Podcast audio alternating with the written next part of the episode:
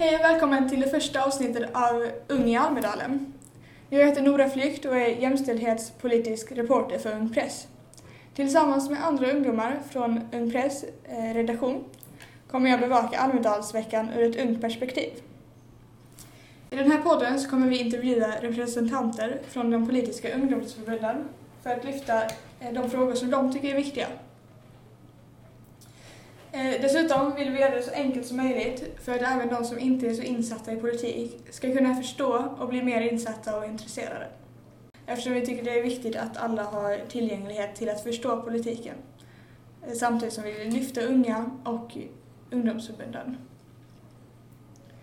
I det första avsnittet av podden ska jag prata med Ung Vänsters förbundsordförande Henrik Malmroth om eh, lite blandat Bland annat om talet som Jonas Sjöstedt höll igår och om Henriks eget tal. Sen kommer vi diskutera lite om eh, utvisningarna till Afghanistan och lite om framtiden. Eh, så ja, vi kör direkt. Ja, hej Henrik. Hej! Eh, hur länge har du varit aktiv i Ung Vänster? Oh, jag brukar alltid tänka utifrån hur många första maj jag har varit med på. Eh, och jag, tror, jag tror att det har blivit upp till nog fem eller sex stycken. Jag är inte riktigt helt hundra. Men någonstans 2011 och 2012 gick jag med. Vad var det som fick dig intresserad av politik från början? Eller varför du valde just Ung Vänster? Eh, jag tror att det var därför att jag var ganska förbannad på att saker och ting var orättvisa överhuvudtaget. Men man kan bara kolla på liksom skillnaden mellan män och kvinnor eller mellan fattig och rik eller mellan folk med olika hudfärg. Och jag tror att Ung Vänster var de som, eh, liksom någonstans de enda som såg de här skillnaderna och faktiskt ville göra någonting åt dem. Igår höll ju eh, er partiledare Jonas Sjöstedt tal. Har du någon kort kommentar angående hans tal? Ja, men det var väl bra. Jag tycker att det är viktigt att lyfta, jag tycker till exempel att han lyfte arbetstidsförkortning på ett bra sätt. Jag tror att det är någonstans i framtiden att vi ska kunna jobba kortare eh, och någonstans kunna dela på jobben istället för att folk ska stressa och så är några andra arbetslösa. Liksom. Är tanken då att man ska ha samma lön fast kortare arbetsdag? Ja, exakt. Och det är fullt genomförbart. Eh, hur, vill du förklara kort om det är någon som inte är så insatt, hur det skulle fungera att få samma lön fast jobba mindre? Man kan väl säga att idag i samhället överhuvudtaget så ser vi att stora företag gör rekordvinster, vi ser hur stora VDR eh, tar ut stora bonusar av den effektivisering som har skett. Vi eh, tillverkar saker snabbare, vi har datorer som hjälper oss. Och då har vi valt, vi har liksom, man kan välja två olika riktningar. Antingen kan man ju göra så att utvecklingen gynnar oss vanliga människor. Att ja, men om vi tillverkar saker snabbare, ja men då behöver vi inte jobba lika länge, då kan vi jobba kortare. Eh, eller att man kan tänka att eh, ja, men om dator, datorn kan göra det här, då kan jag hjälpa till med annat. Vi skulle kunna flytta folk så att man kan jobba till exempel i vården där man inte kan sätta in en robot till exempel. Men det vi har valt istället är ju att stå, alla de här pengarna och det här, det har gått till de stora företagen, de allra rikaste. Så att för oss handlar det bara om att man tar pengarna och fördelar till oss, alla andra, eh, till den stora majoriteten, alla vi som egentligen kanske skapar pengarna i slutändan. Lite så Robin Hood över det. Ja. Um, men innan eh, Sjöstedt höll tal höll ju du också tal. Vill du, om det är någon som inte har lyssnat på det, vill du typ sammanfatta det? Ja, nej, men ja, man kan väl sammanfatta det så här att eh, det jag pratade om är att vi i vänstern har sagt många saker som idag är helt självklara för människor. Eh, det var vi var de första som lyfte att man skulle jobba kortare, att man skulle ha semester, att man hade rätt att lämna sina barn på förskola och så vidare. Och idag är det ingen som ifrågasätter, det är ingen som säger nej vi borde ha kortare semester, nej vi borde också jobba på lördagar. Alla sådana här saker. Eh, och jag vill någonstans påvisa på att det är världen som är den konstiga och det är vi som är det normala, det rimliga i det här. Och du pratar också om utvisningar till Afghanistan. Eh, vad tycker ni om det?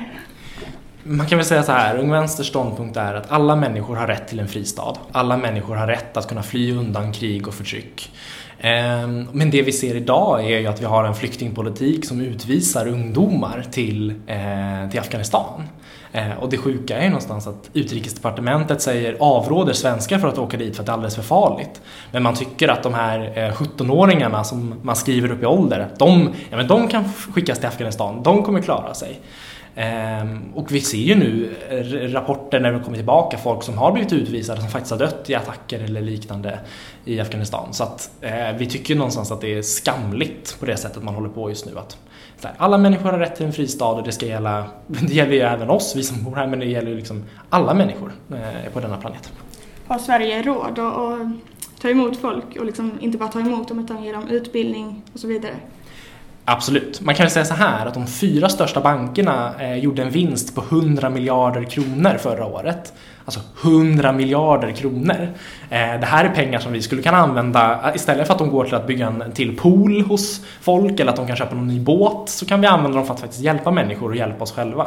Men också att det är de rikaste. Om vi vill prata om någon eh, flykt vi vill stoppa så är det skatteflykten. Alltså idag planerar rika och kommer undan och betalar mindre skatt ungefär 47 miljarder kronor varje år försvinner till skatteparadis. Eh, det här är alltså brott som rika människor begår men som man inte utreder för att man tycker att ja, men då kommer de fly undan. Så att någonstans handlar det om att pengarna finns. Det handlar bara om att vi måste fördela dem så att vi, de kommer till oss allihopa och inte bara till en liten få människor. Liksom, ska människor. Så är det att ni vill höja skatten för de som har mer för att eller få in de pengarna eller vad är liksom lösningen? För det första handlar det om att man, man faktiskt måste ta och utreda ekobrotten. Vi kan se hur polisen men de har tid att stå och vid tunnelbanan och fånga in plankare. Jag vet inte hur många tusen lappar man får in där. Men varför går de inte istället i de rika områdena och knackar dörr och frågar Va, hur mycket har du betalat skatt i år? Eh, utan så. Det handlar ju ett om någonstans att uppfölja den lagen som redan finns. Men sen handlar det inte om att höja skatten för vanliga människor. Utan det handlar om att införa förmögenhetsskatt, bolagsskatt så att de stora bankerna får betala Eh, till, snarare för att de liksom små, typ lilla blomsterhandeln. Eh, så. Utan man ska ta från de, de, som har den stora mängden pengar. Eftersom det stora är ju att jag tror ju att det är vi som har skapat pengarna åt dem. Det är ju, det är ju vi som arbetar. Det är inte eh, Ingvar Kamprad som tillverkar eller kör runt hans möbler. Det är ju vi som gör det. Så varför ska han få tjäna pengar för att han sitter ner och vilar liksom medan vi andra faktiskt jobbar? Så att pengarna ska gå till de som arbetar helt enkelt. Hur tror du att framtiden kommer att se ut angående detta? För att eh, nu är det både liberaler och centerpartister som börjar hålla med er mer i den här frågan. Hur tror du att det kommer utvecklas? Eh, jag tror att vi alla kan påverka. Alltså så, jag var med i en protest här i förra veckan eh, där vi protesterade mot en utvisning där den utvisningen inte genomfördes för att vi protesterade. Alltså, den enda kraften som har förändrat det här samhället till det bättre är den gemensamma kraften när vi går ihop. Eh, och då kan vi göra vad som helst. Ehm, och jag är jätteglad att, jag menar, att Liberalerna och Centerpartisten hoppar på vårt tåg nu. För att, som sagt, det här har vi sagt sedan sen dag ett. Liksom så. Ehm, men, men det handlar ju om att det, vi kan inte sluta förrän vi är där. Ehm, och då handlar det om att, det handlar om att gå ihop, det handlar om att protestera, det handlar om att faktiskt göra saker och tvinga dem till att tvinga regeringen till slut att gå med på våra krav. Eh, som handlar om amnesti och att alla ensamkommande ska få stanna. Eh, varför vill egentligen regeringen inte ta emot? Eller alltså, varför vill de utvisa eh, ungdomar till Afghanistan? Är det någon alltså, speciell alltså, baksida av problemet eller så? Eh, jag tror att det handlar om att, för mig handlar det lite om feghet. Det handlar om att man inte vågar ta striden mot de som, eh, de som faktiskt driver på den här agendan. Så, Stefan Löfven har ju alla möjligheter i världen att eh, säga nej, vi vill inte gå med på det här Eh, och sen driva det och sen få man liksom stå upp för det man faktiskt tycker. Eh, men det handlar ju någonstans om att jag tror att man är rädd för att man inte har resurserna. Men då får man ju ta fighten med de stora företagen, med de allra rikaste i samhället och tvinga dem att eh, följa lagar och regler som alla vi andra gör. Så att man får in de resurserna så man kan göra det här. Men jag tror du får fråga Stefan Löfven varför, eh, om, du, om du träffar honom, eh, för det vill jag jättegärna också göra, hur man kan göra något sånt här. Eh, ja, jag tänkte avsluta med att prata lite mer om ert eh, förbund. Mm. Eh, hur mycket alltså, gemensamt är det egentligen mellan Ung Vänster och Vänsterpartiet? Vi har ju såklart en, en hel del gemensamt. Vi ändå, kommer ju ändå från samma rörelse och sådana saker. Men Ung Vänster har ju ett eget principprogram. Vi är ett självstående förbund så, så att vi bestämmer själva vad vi tycker i vissa frågor och sådär. Men vi, precis som Vänsterpartiet, är vi, liksom, vi är ju feminister, vi är socialister precis som dem. Eh, vi är inte, liksom antirasister, så att det finns ju eh, i grund och botten väldigt mycket som är lika. Eh, så. Men man kan väl säga så här att vi är det enda ungdomsförbundet som har skapat vårt eget moderparti. Eh, så så eh, ja, De är, det är vi som är moderundersförbundet kanske man ska snarare säga. Är det någon speciell fråga som ni skiljer extra mycket i? Jag vet faktiskt inte. Jag tror att vi faktiskt i de stora frågorna håller med varandra ganska mycket. Jag vill ju såklart tycka att vi är mycket bättre, eh, både feminister och socialister, men där skulle nog Vänsterpartiet säga likadant. Så att jag tror att i grund och botten så är vi, vi, ganska, är vi ganska lika i de här frågorna. Vi är väl kanske än mer radikala. Eh, jag läste någonstans att eh, det är många som är medlemmar i Ung Vänster men som sen inte blir medlemmar i Vänsterpartiet när de blir äldre. Vad tror du att det beror på? Jag tror att det kanske är på grund av att vi ofta ser oss själva som väldigt självstående. Att vi, eh, vi ska kunna sköta oss själva. Eh, jag är ju till exempel inte medlem i Vänsterpartiet, men jag är ju liksom så, men medlem i Ung Vänster.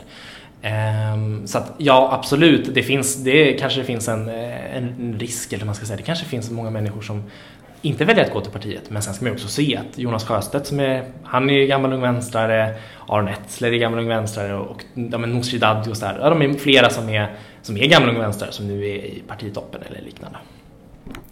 Ja, men det var alla frågor jag hade. Ehm, tack så mycket för att du har varit med. Ja.